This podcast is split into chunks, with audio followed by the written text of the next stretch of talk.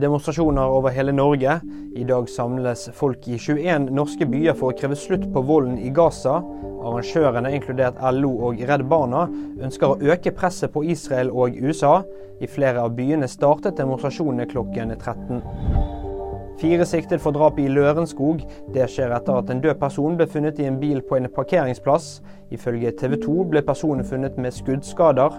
De siktede nekter straffskyld og fremstilles for varetektsfengsling i dag ved Romerike og Glåmdal tingrett.